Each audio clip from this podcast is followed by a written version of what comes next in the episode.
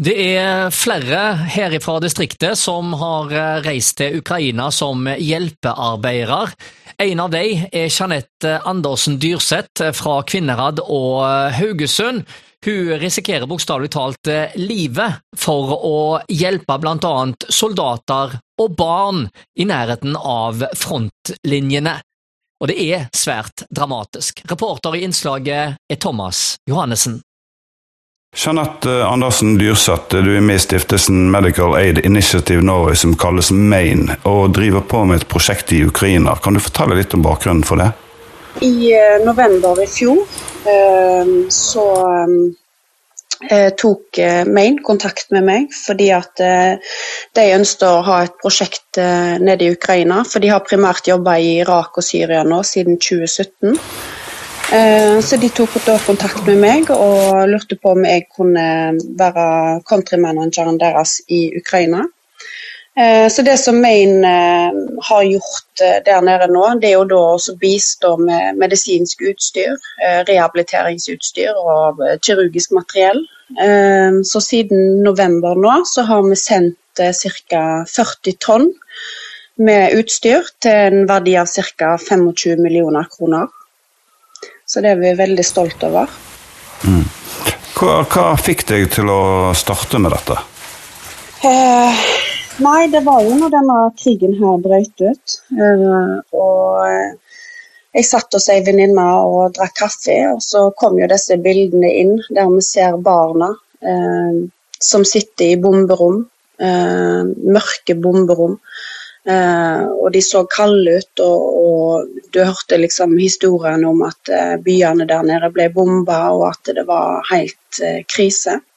Så da bestemte vi oss for å reise ned til, til Polen, til grensa, hvor vi da hadde innsamlinger på Splice, og vi samla inn masse utstyr til både soldater og til de sivile. så det var egentlig sånn det starta, at jeg kom ned der. Og så, når jeg kom ned der, så kom jeg i kontakt med en, eh, en organisasjon som kjørte ambulanser inn til Ukraina. Eh, der de henta skadde barn som da måtte transporteres fra Ukraina og inn til eh, Polen og videre ut i Europa. Og så har det egentlig bare balt på seg derifra. Jeg forstår det slik at det gikk fra et hobbyprosjekt til full jobb, eller? Ja, det er jo frivillig, eh, men eh, Du snakker om at du eh, hjelper barn og sykehus med utstyr. Kan du fortelle noen historier fra, fra tiden din i, i, i fronten der? Det er litt forskjellige ting. Det, vi, det som vi gjør mest av, det er jo da å supplere frontsykehusene og stabiliseringspunktene som de har satt opp Eh, i fronten, eh, hvor vi gir dem eh, nødvendig medisinsk utstyr. I tillegg så bistår vi òg barnehjemmene, hvor vi leverer leker, klær, godteri. Alt som, som de trenger der. og så assisterer vi òg på, på, sykehusene og ambulansene i, i fronten. primært da i Donetsk-regionen. Dette ligger jo tett opp til fronten eh, hvor eh, russerne har okkupert deler av Ukraina. Jeg regner med du har eh, fått med deg en del sterke episoder. Har du noe å fortelle der?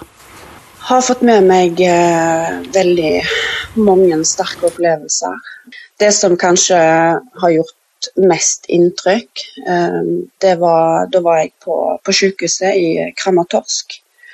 Eh, og vi får da melding om at det er et lite barn som er på vei inn. Det er da ei to år gammel jente som har blitt eh, voldtatt. Å se denne jenta og de skadene som var, var påført henne, det, det, gjorde at jeg, eh, jeg sleit med å sove på en ganske lenge På en god tid der, altså. Det, det var veldig, veldig sterkt. Jeg var òg i kontakt med en familie eh, hvor det var en eh, elleve år gammel gutt som hadde blitt voldtatt av tre menn, eh, der mora hadde blitt tvunget til å se på dette overgrepet. Hvis ikke så skulle de true de med å drepe han gutten hvis mora ikke eh, så hva de gjorde. Eh, og det å på en måte møte disse her og, og, og komme så tett på å høre historiene deres eh, og se skadene som de er påført av forskjellige ting. Det, det er utrolig vondt og sterkt. Det sier altså 35 år gamle Jeanette Andersen Dyrseth fra Haugesund og Kvinnerad, som risikerer livet i sin innsats nær fronten.